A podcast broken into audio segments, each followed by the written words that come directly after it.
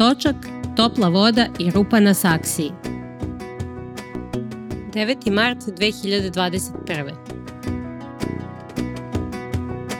Ponekad pomislim kako kidam u poslu i životu, kako sam društveno prilagođena, kako vešto komuniciram, umem da problematizujem paradigme po potrebi, nikada se ne smejem na sahranama, na koncertu ozbiljne muzike ne tapšem između stavova, znam kad treba da ćutim i u kom trenutku da zagrlim tužnog prijatelja, A onda ubrzo pomislim kako me treba zatvoriti ili pustiti da živim na drvetu, kako šetam gradom kao sociopata, govorim pogrešne stvari u pogrešnom trenutku, smejem se na sahranama i tapšem između stavova, vraćam domaćici praznu kutiju za kolače, upadam ljudima u privatne razgovore i opšte uzev ponašam se obnokcijalno. Teško je živeti u milionskom gradu i ne napraviti ni jedan pogrešan korak. Ipak, neki ljudi zaista su talentovani za društvenu nadgradnju od drugih. Blaga sociopatičnost krasila me od malih nogu i kulminirala je na jednom skupu gde sam predstavljala obskurno udruženje pećinara među oždajama iz NVO sektora ranih 2000-ih, u vreme velike muže evropskih fondova. Nije ni trebalo da prisustvujem dotičnoj konferenciji, ali plašila sam se da će moja blaga sociopatičnost biti otkrivena ako odbijem i tako sam otišla da zastupam interese pećinskih ljudi u 21. veku.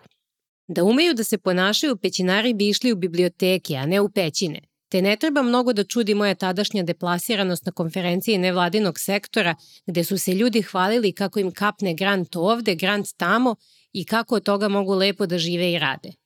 Trebalo je da dokažem, kao buduća producentkinja kulturnih delatnosti, da mogu da odem na takav proizvoljni skup i nabavim pare za istraživanje tankih i debelih creva zemlje u trenutku kada Evropa zasipa Srbiju šleperima novca, te sam tako i ja ponela kanticu i lopaticu da napunim parama ako mi starija deca dozvole. Šetala sam okolo sa kanticom i lopaticom, tražeći pare po sali socijalističkog hotela u unutrašnjosti, kad sam se zatekla za stolom sa članovima jednog udruženja slepih i slabovidih. Njihova pratnja videćih prijatelja predstavila nas je jedne drugima i tad sam se prikazala u punom sociopatičnom sjaju. Pružila sam ruku slepom čoveku znajući da je slep. Već dok mi je ruka išla ka njemu, shvatila sam šta radim, ali bilo je prekasno. Fizička radnja uveliko se odvojila od mentalne i nije bilo nikakve pomoći niti prečice da se taj trenutak ne perpetuira beskonačno, sve dok jedna od videćih prijateljica nije uskočila da spasi stvar kiselom šalom, tako što je podigla čovekovu ruku i tobož izgrdila ga kako je nepristojan. A ja sam tu stajala i osjećala se krajnje neandertalno, krajnje australopitekalno i kromanjonasto i pitala se zašto je moja pramajka ikada izlazila iz Altamire i zašto do danas nismo mogli da ostanemo unutra, da ostavljamo otiske šaka na zidovima i crtamo bizone.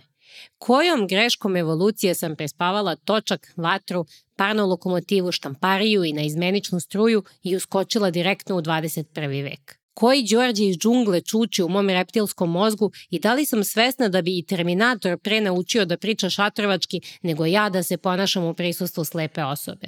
Zar su moji dedovi dirinčili i ratovali, zar su sinove i kćeri obrazovali da bi se izrodilo ovo? Nisu me utešile racionalizacije kako sam bila mlada i neiskusna i kako nisam imala prilike u dotadašnjem kratkom životu da se obraćam sa slepim osobama. Trauma se usadila i godinama kasnije redovno sam sanjala sebe golu ili upišanu na javnom mestu. Možda sama činjenica da sam to sanjala znači da nisam blago sociopatična, nego recimo to nežnije introvertna. Tek nedavno sam počela da uživam u svom kromanjonstvu, s tim što me je 20 godina društvene nadgradnje barem zaštitilo od odlazaka na konferencije gde mi nije mesto, na putovanja na koje ne želim da idem i u pećine iz kojih su moje pramajke uspešno izašle, a i naša zemlja je postala malčice inkluzivnija nego što je bila pre 20 godina kako za slepe i slebovide, tako i za kromanjonci i kromanjonke. U godini pandemije jedno je sigurno. Ne moram nikome da pružam ruku pre nego što moj reptilski um proceni da li će se nakon toga vratiti u pećinu ili nastaviti da blago sociopatično krstari milionskim gradom. Slušali ste odlomak iz knjige Točak, topla voda i rupa na saksiji Nevene Paunović.